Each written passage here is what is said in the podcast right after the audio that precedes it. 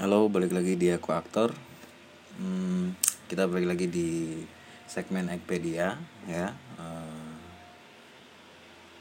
di mana teman-teman bisa mendengarkan, sorry, bisa membaca artikelnya di akuaktor.com dan nanti juga bisa melihat videonya di YouTube.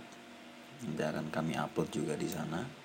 Um, ini Ekpedia yang ke kalau kami tidak salah sekitar Ekpedia yang ke-6 sebelumnya kita sudah ngebahas Stanislavski terus kita ngebahas lagi soal the systemnya Stanislavski sedikit lebih dalam.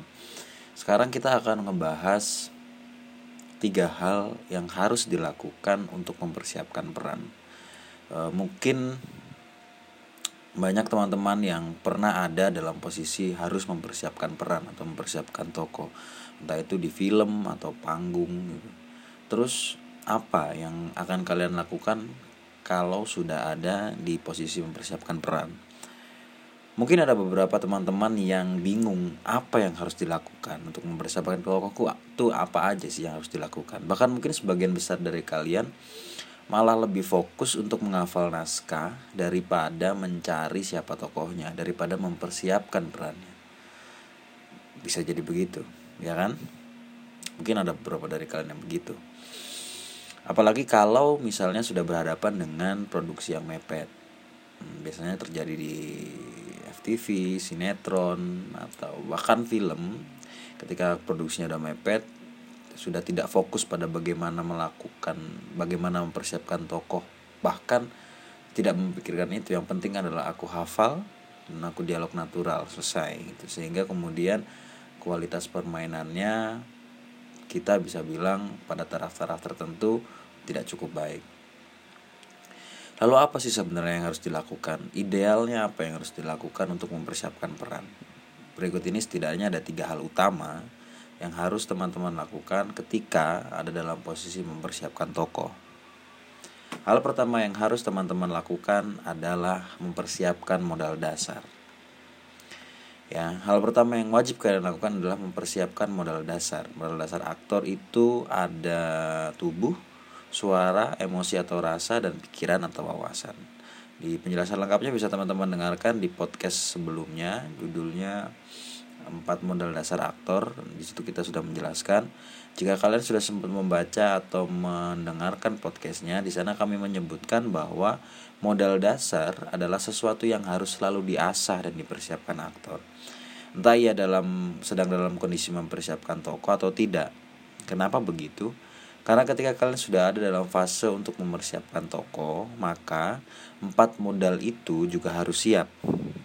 Setidaknya untuk kesiapan dasarnya, misalnya kayak kelenturan, kelenturan tubuh, stamina, kekuatan, eh, dan hal-hal dasar semacam itu. Eh, tubuh ya misalnya tadi kita bilang kelenturan di titik tertentu kalian harus sudah bisa uh, setidaknya tubuh kalian sudah terlatih karena siapa tahu misalnya kalian dapat tokoh seorang atlet gitu. Kalau kalian tidak pernah mempersiapkan tubuh kalian dengan baik maka kalian harus bekerja dua kali lipat. Pertama kalian harus mempersiapkan modal dasarnya, kemudian kalian harus melatih tubuh kalian agar sesuai dengan tokohnya. Misalnya tokohnya atlet uh, panjat tebing misalnya di mana power apa namanya kekuatan kekuatan ototnya lebih pada jari-jari jari-jari tangan lengan. Sementara kalian nggak pernah melatih tubuh sama sekali. Maka kalian harus mempersiapkan tubuh kalian secara utuh baru kemudian melatih secara spesifik mendekati ke tokoh jadinya akan membutuhkan waktu yang lama. Dan dan misalnya kita kemudian balik lagi ke hal yang uh, di paragraf di paragraf awal tadi kita bilang kalau bagaimana kalau waktunya mepet? Ya akan jadi akan jadi semakin tidak berkualitas mungkin permainannya karena ya modal dasarnya aja belum siap. Waktunya mepet. Apa yang apa yang harus dilakukan orang modal dasar aja nggak punya sementara waktunya tinggal sedikit nah gitu. Makanya mempersiapkan modal dasar adalah hal yang penting. Kita ambil contoh misalnya Natalie Portman. Waktu dia mainin uh, film Black Swan jadi tokoh utamanya dalam mempersiapkan tokohnya Natalie juga harus berlatih balet selama kurang lebih satu tahun. Natalie tentunya sudah melatih tubuhnya setidaknya dengan olahraga secara umum. Karena kan sudah jadi kebiasaan ya, soalnya sudah, sudah jadi kebiasaan. Apalagi kita bisa melihat itu dari bentuk tubuhnya Natalie. Di mana bentuk tubuhnya proporsional, berarti setidaknya dia sudah sering olahraga. Jadi tubuhnya sudah akrab, sudah terlatih. Kemudian Ketika dia harus memainkan tokoh yang merupakan seorang penari balet, maka dia harus melatih tubuhnya lagi agar bisa menari balet. Jadi tapi Natalie hanya berlatih balet, bukan mempersiapkan tubuhnya untuk berlatih balet. Kenapa? Karena tubuhnya sudah siap. Nah, yang seperti itu aja butuh waktu satu tahun. Bayangin kalau misalnya tubuhnya belum belum tubuhnya belum jadi modal yang settle Mungkin Natalie harus menjalani waktu yang lebih lama lagi untuk mempersiapkan toko dan mungkin jadinya juga tidak maksimal karena tubuhnya ya lagi-lagi eh, tidak diakrabkan setiap hari gitu. Tidak dilatih setiap hari. Nah, begitu juga dengan modal-modal dasar yang lain, suara, wawasan terutama, emosi.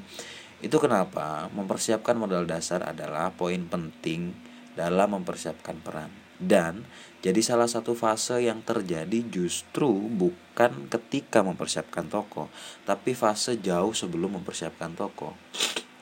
Gitu. Jadi misalnya misalnya kalian dapat uh, job film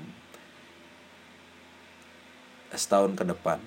Nah, uh, persiapan modal dasar itu sudah kalian lakukan 3-4 tahun yang lalu dan tetap kalian lakukan secara konstan sampai kalian dapat kesempatan main film.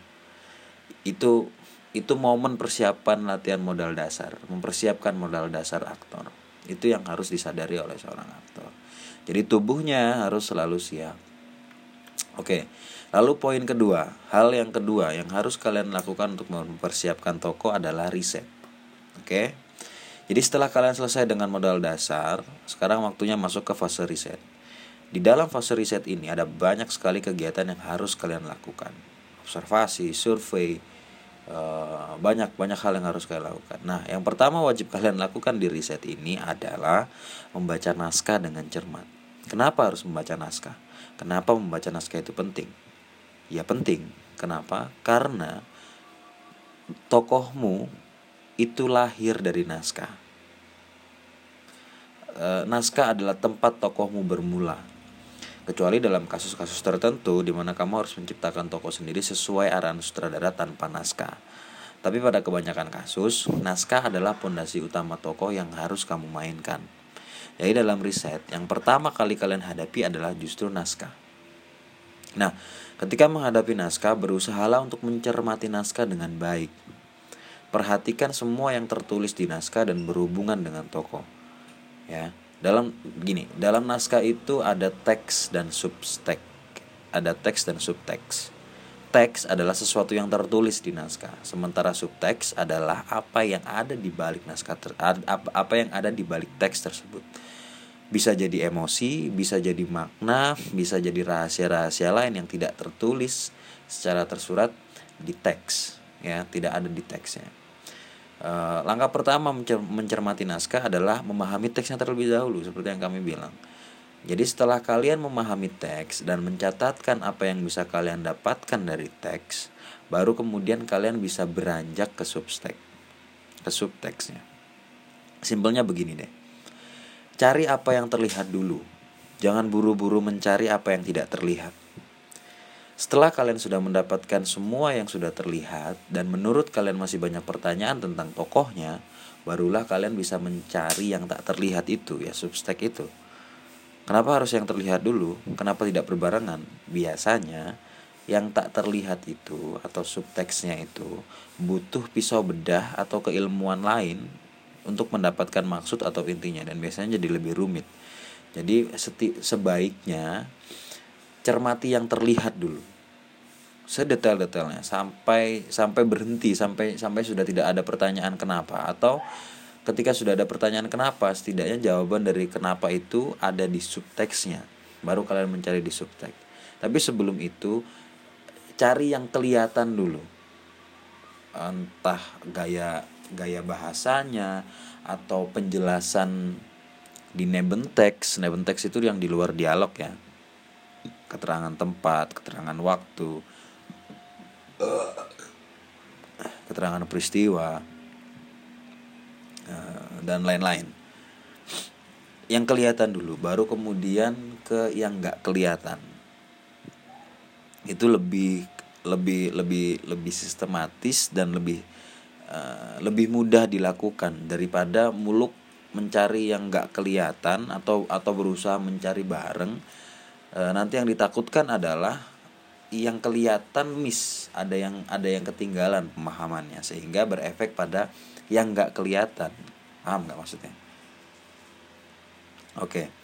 eh, misalnya begini ya misalnya begini contohnya di satu naskah film, tokoh kalian itu disebutkan sebagai orang yang depresi dan informasinya berhenti sampai di situ.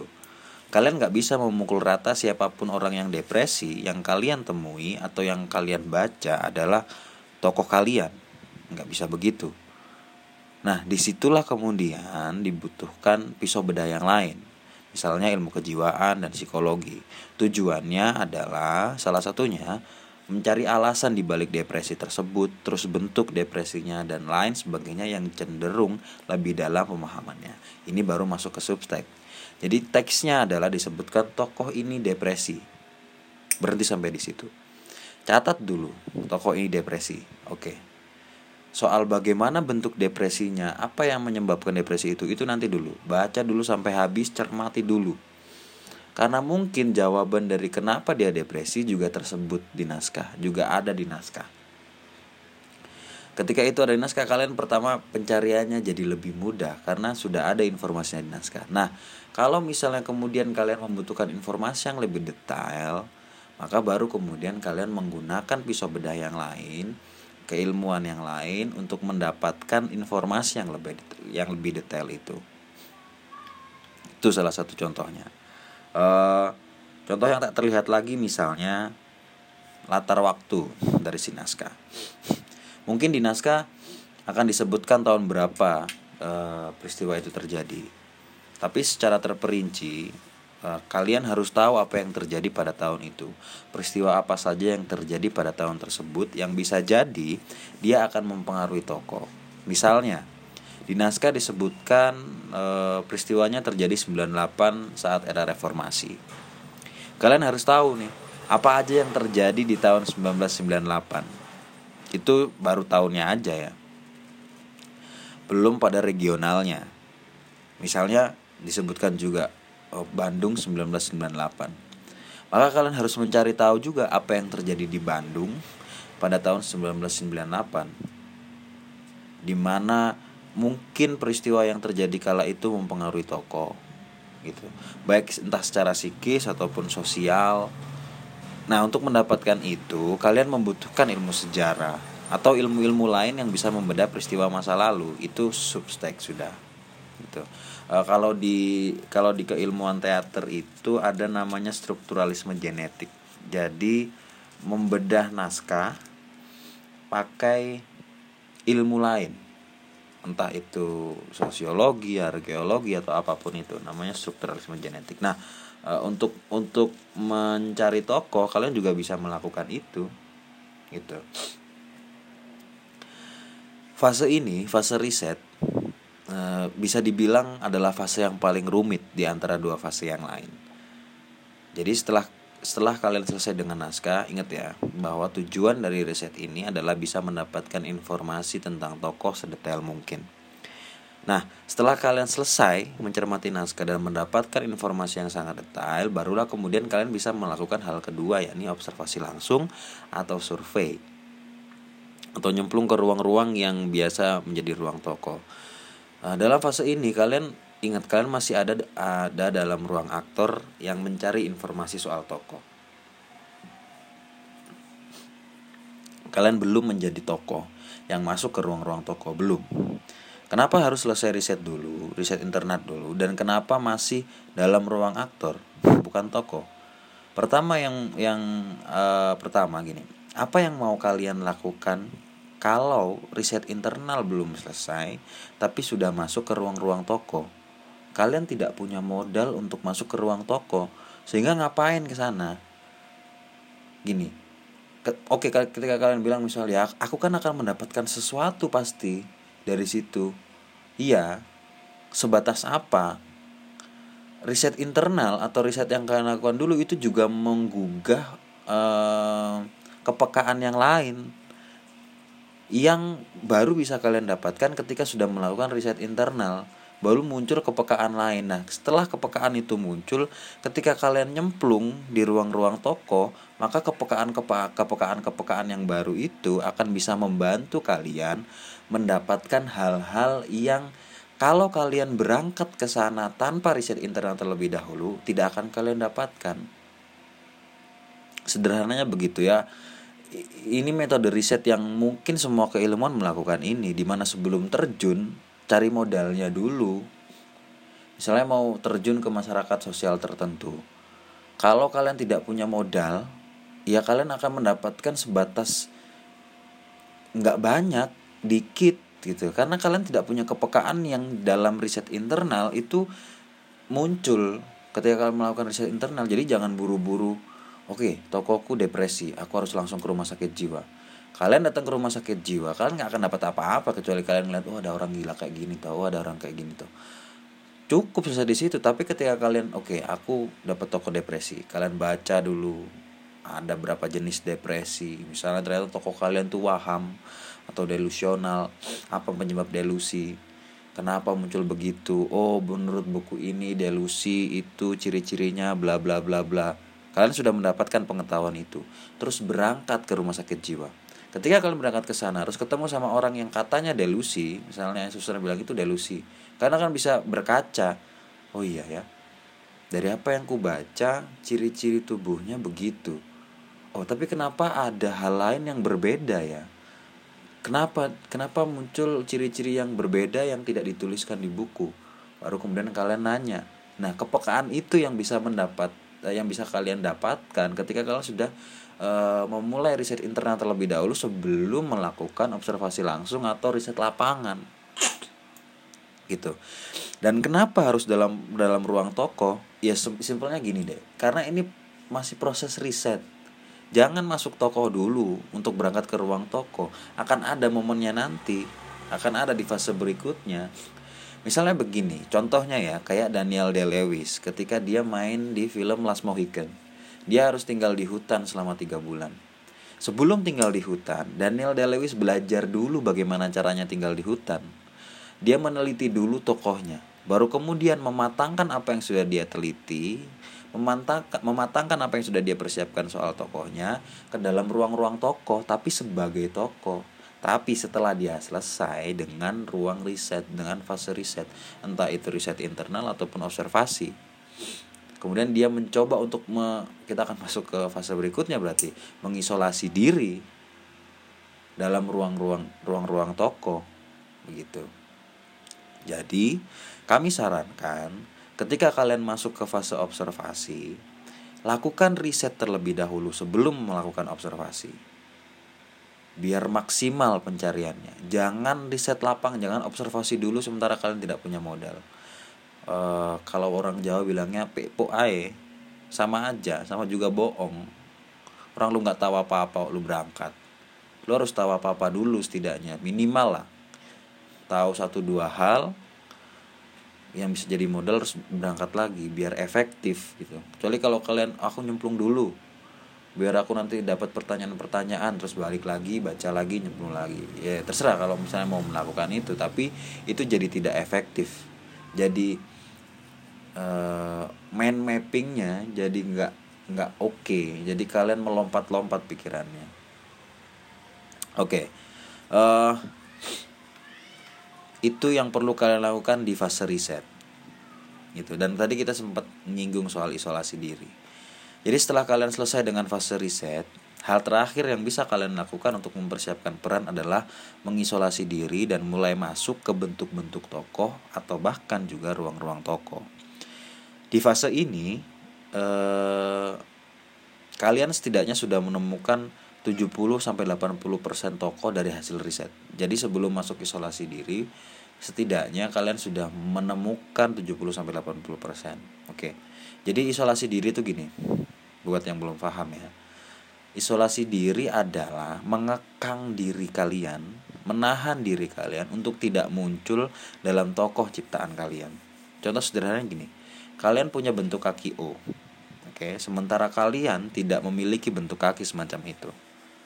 Maka kalian harus mengisolasi, mengekang bentuk kaki O itu agar tidak keluar. Kalian harus mengurung bentuk kaki O itu agar dia tidak keluar saat kalian memainkan toko kalian harus menyimpan sementara bentuk kaki O itu agar kalian bisa sepenuhnya menggunakan cara toko berjalan. Fase isolasi diri ini sebenarnya tidak serumit fase riset. Tapi pada fase inilah kalian akan mengalami rasa lelah yang mungkin lebih lebih lelah dari dua fase berikutnya. Kenapa aku bilang isolasi diri itu tidak serumit riset dan lebih lelah? Karena pertama kalian sudah mempersiapkan modal dasarnya modal dasar juga termasuk pengetahuan diri kemudian eh, kalian sudah melakukan riset oke okay? Eh, jadi ketika isolasi diri kalian sudah tahu apa yang harus kalian bentuk dan apa yang harus kalian tahan dari bentuk bentuk kalian sebagai aktor nah terus bagaimana caranya biar isolasi diri itu konsisten ada banyak cara ada banyak cara. Salah satunya seperti yang kusebutkan di awal, Daniel De Lewis melakukan observasi tokohnya dan tinggal tiga bulan di tengah hutan dengan cara Indian. Itu adalah proses untuk mengisolasi diri uh, Daniel De Lewis karena dia tinggal di tempat yang bukan tempat tinggalnya, bukan tempat tinggal Daniel De Lewis dan dia tinggal di sana sebagai sebagai tokoh. Akhirnya secara tidak langsung ketubuhannya akan akan terbentuk gitu dan itu yang terjadi nah ada salah satu metode yang yang cukup mendukung soal isolasi diri. Namanya metode acting. Metode acting ini dikembangkan oleh Lee Strasberg. Uh, kita akan bahas di artikel selanjutnya di podcast selanjutnya. Uh, dalam metode acting ini aktor harus sepenuhnya ada dalam tokoh selama beberapa waktu dan tidak keluar dari tokoh itu. Ya seperti apa yang dilakukan oleh banyak aktor metode salah satunya lagi-lagi Daniel De Lewis di hampir semua filmnya di mana dia tetap ada dalam tokoh sebelum syuting atau ketika proses syuting berlangsung. Jadi cara ini banyak banget dipakai, eh, sorry, cara ini tidak banyak dipakai sebenarnya oleh banyak aktor karena menurut mereka, menurut beberapa aktor bahkan termasuk Anthony Hopkins bilang bahwa cara ini adalah cara yang berlebihan. Ya, ada uh, pro kontra soal cara ini, soal metode ini. Meskipun begitu, metode ini, metode acting adalah salah satu metode yang paling efektif untuk mengisolasi diri dan untuk mempersiapkan peran dan memainkan tokoh. Dan bahkan metode ini adalah metode yang bisa dibilang salah satu cara paling mudah untuk mendapatkan Oscar karena Mungkin sekitar 70% dari peraih Oscar sepanjang masa itu dikuasai oleh para pengguna metode acting. Entah itu hanya menggunakan pada satu proyek tertentu atau menggunakannya dari awal karirnya sampai sekarang. Seperti Daniel De Lewis lagi-lagi. Terus pertanyaannya, apakah apakah isolasi diri itu harus terus dilakukan? Tidak ada jeda seperti yang metode acting lakukan? Tidak seperti yang sudah kami bilang, kalau teman-teman menggunakan metode acting, maka jawabannya iya, kalian harus terus melakukan isolasi diri itu dalam ruang mempersiapkan toko. Oke. Tapi kalau kalian menggunakan metode yang lain, maka kalian bisa hanya mengisolasi diri ketika memainkan tokohnya saja. Sementara ketika sedang tidak dalam adegan atau dalam ruang tokoh, kalian bisa melepas isolasi tersebut. Tapi yang perlu kalian perhatikan dalam melakukan hal itu adalah soal konsistensi dari bentuk tokoh kalian. Selama kalian bisa menyadari soal konsistensi bentuk itu, maka rasanya tak masalah kalau kalian keluar keluar masuk toko, eh, tidak sepenuhnya dari toko, tidak selamanya, tidak tidak dalam jangka waktu panjang dari toko kalian keluar masuk, tidak masalah selama kalian bisa menyadari konsistensi bentuk tubuh kalian konsistensi ciptaan kalian. Tapi kalau tidak bisa menyadari itu, maka kami menyarankan untuk tetap aja ada dalam toko. Memang melelahkan, metode acting itu melelahkan. Tapi itu adalah cara yang paling efektif untuk tetap konsisten dalam bentuk toko. Begitu. Uh, tiga hal yang disebutkan di atas tadi adalah poin yang paling umum ya. Seperti yang dituliskan dalam masing-masing poin itu, kegiatan yang dilakukan sangat banyak. Jadi sebenarnya mencari toko atau mempersiapkan toko itu cuma butuh beberapa step mudah. Tapi apa yang harus dilakukan dalam step itulah yang rumit. Uh, yang ya misalnya memang cuma ada tiga tapi seperti yang teman-teman baca dalam penjelasannya kan ada banyak poin ya.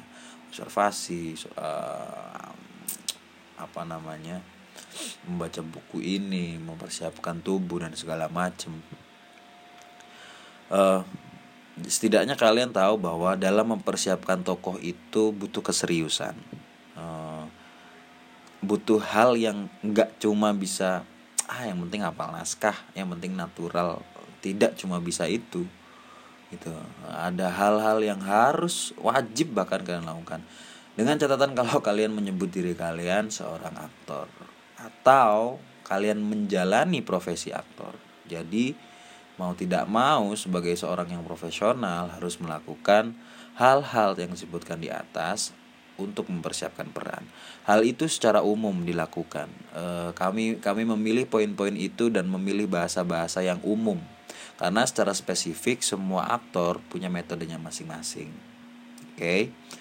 Bisa jadi ada aktor yang tidak mempersiapkan modalnya karena mungkin tokohnya sudah sesuai dengan tubuhnya. Ya, tapi setidaknya secara umum tiga hal itulah yang harus teman-teman lakukan. Uh, lalu berapa lama waktunya? Kalau menurut kalian? Berapa lama waktu yang dibutuhkan untuk mempersiapkan tokoh. Jangan lupa tulis di kolom komentar menurut kalian berapa lama waktu yang dibutuhkan untuk mempersiapkan tokoh, berapa lama waktu yang ideal. Mari kita berbincang, mari kita berbagi. Terima kasih karena sudah mendengarkan. Jangan lupa untuk di follow kami di Spotify, subscribe kami di YouTube, uh, follow kami juga di Instagram dan Facebook, uh, like fanpage kami. Terima kasih, jangan lupa untuk di-share, baca juga artikelnya. Sampai jumpa di podcast berikutnya, di Ekpedia berikutnya. Terima kasih sudah mendengarkan. Viva Aktor.